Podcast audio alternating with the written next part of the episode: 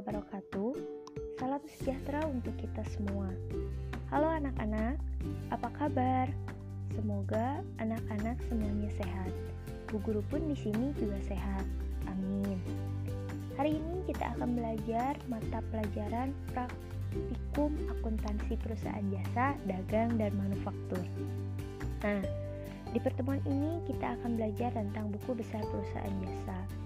Materinya yaitu tentang pengertian buku besar perusahaan jasa, daftar akun atau rekening yang ada pada perusahaan jasa, pengertian posting dan bagaimana cara memposting jurnal umum ke buku besar. Nah, anak-anak, sebelum memulai pematerian, kita berdoa terlebih dahulu ya, agar kita senantiasa diberi kelancaran dalam belajar dan manfaat untuk kita semua dalam pembelajaran kali ini. Mari berdoa, berdoa mulai.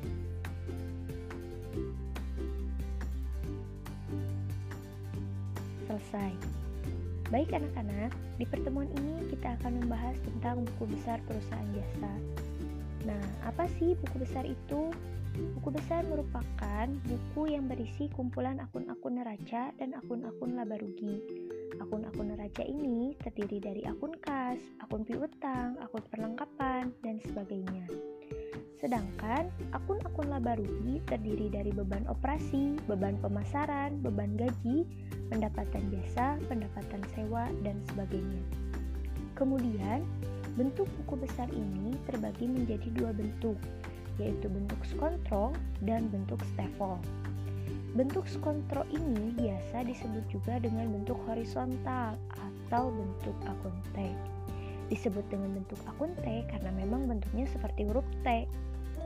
Sedangkan bentuk lainnya yaitu bentuk stafel atau biasa disebut juga dengan bentuk vertikal atau balance column account. Untuk gambar dari setiap bentuknya, anak-anak bisa melihat pada buku pelajaran yang anak-anak miliki atau mencari dari internet. Kemudian, dari kedua bentuk akun tersebut, akun mana sih Bu yang biasa digunakan dalam praktiknya? Nah, buku besar dalam bentuk akun T biasanya jarang digunakan karena saldo setiap akunnya tidak bisa diketahui setiap saat. Jadi, Saldo akunnya itu hanya bisa diketahui pada saat terjadi penutupan buku pada akhir periode saja. Sedangkan bentuk stafel sering digunakan dalam praktik karena saldo untuk setiap akunnya bisa diketahui setiap saat. Lalu apa saja sih perbedaan antara bentuk akun T dan bentuk akun stafel? Nah, perbedaan bentuk dari buku besar akun T ini sedikit berbeda dengan buku besar Stefel. Perbedaannya terutama pada letak kolom debit dan kredit tidak berlawanan tetapi berdampingan. Kemudian, kolom jumlah rupiah bertambah untuk mencatat saldo setiap akun. Dengan kolom tambahan ini, saldo akun ditentukan setiap kali terjadi transaksi. Dengan demikian, saldo setiap akun akan dengan mudah diketahui setiap saat. Selanjutnya apa aja sih daftar nama akun atau rekening yang ada pada buku besar perusahaan jasa?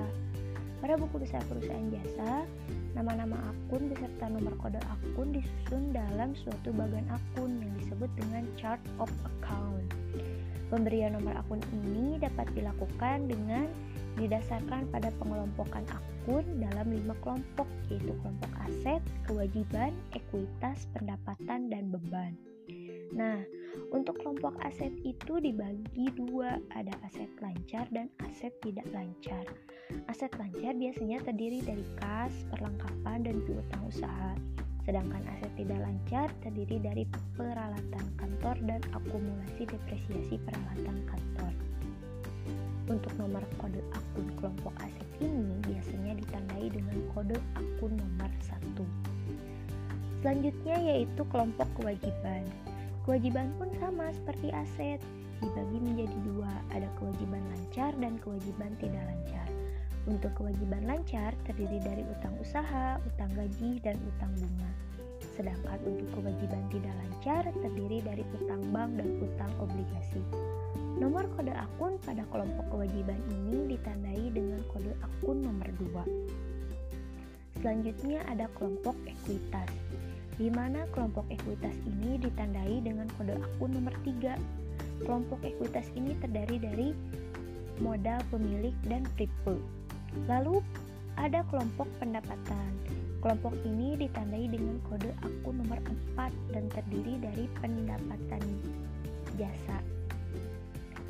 Yang terakhir yaitu kelompok beban. Kelompok beban ini terdiri dari beban gaji, beban telepon, beban asuransi, dan beban iklan.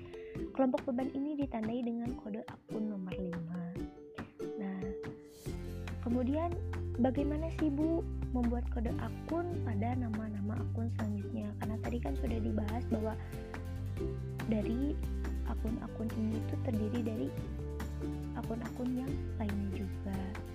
Nah, contohnya begini, pada akun aset, karena akun aset itu dibagi menjadi dua, maka nomor kode akun pada akun aset lancar ditandai dengan kode akun 10 dan untuk akun aset tidak lancar ditandai dengan kode akun 12.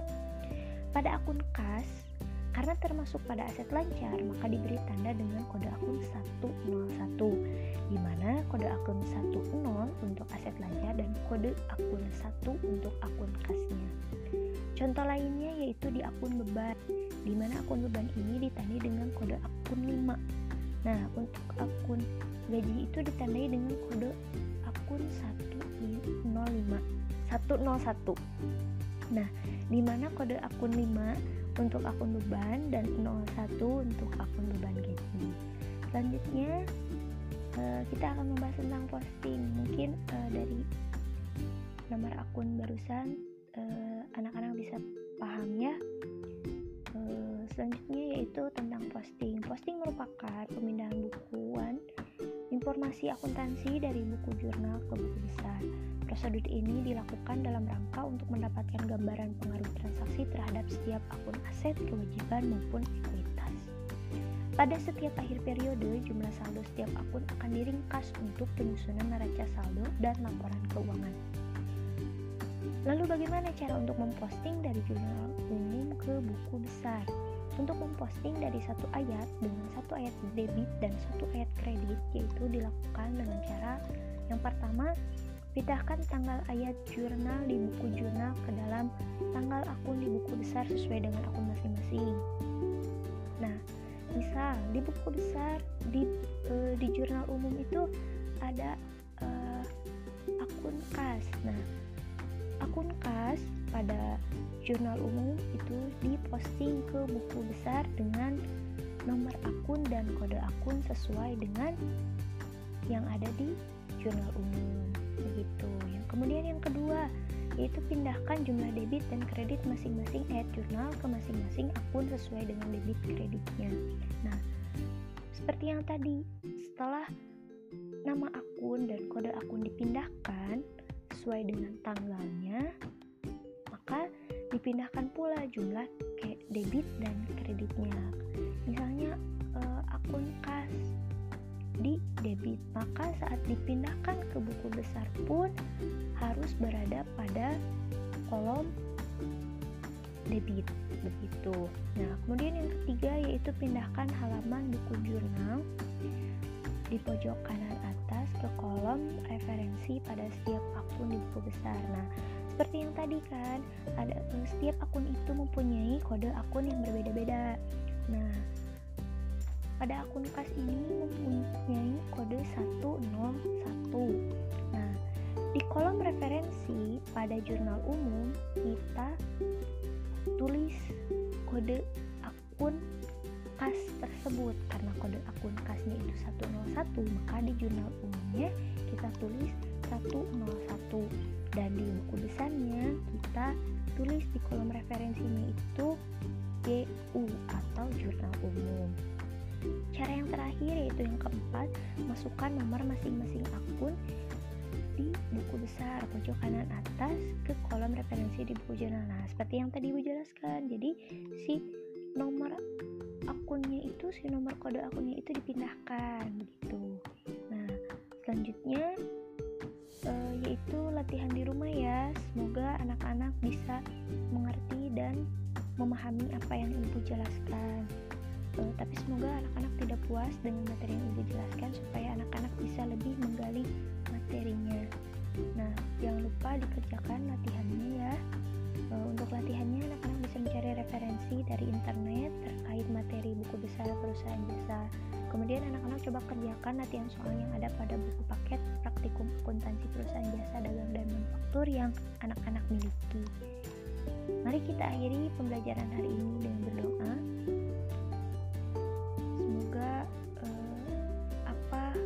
Yang ibu jelaskan bisa anak-anak pahami. Berdoa dimulai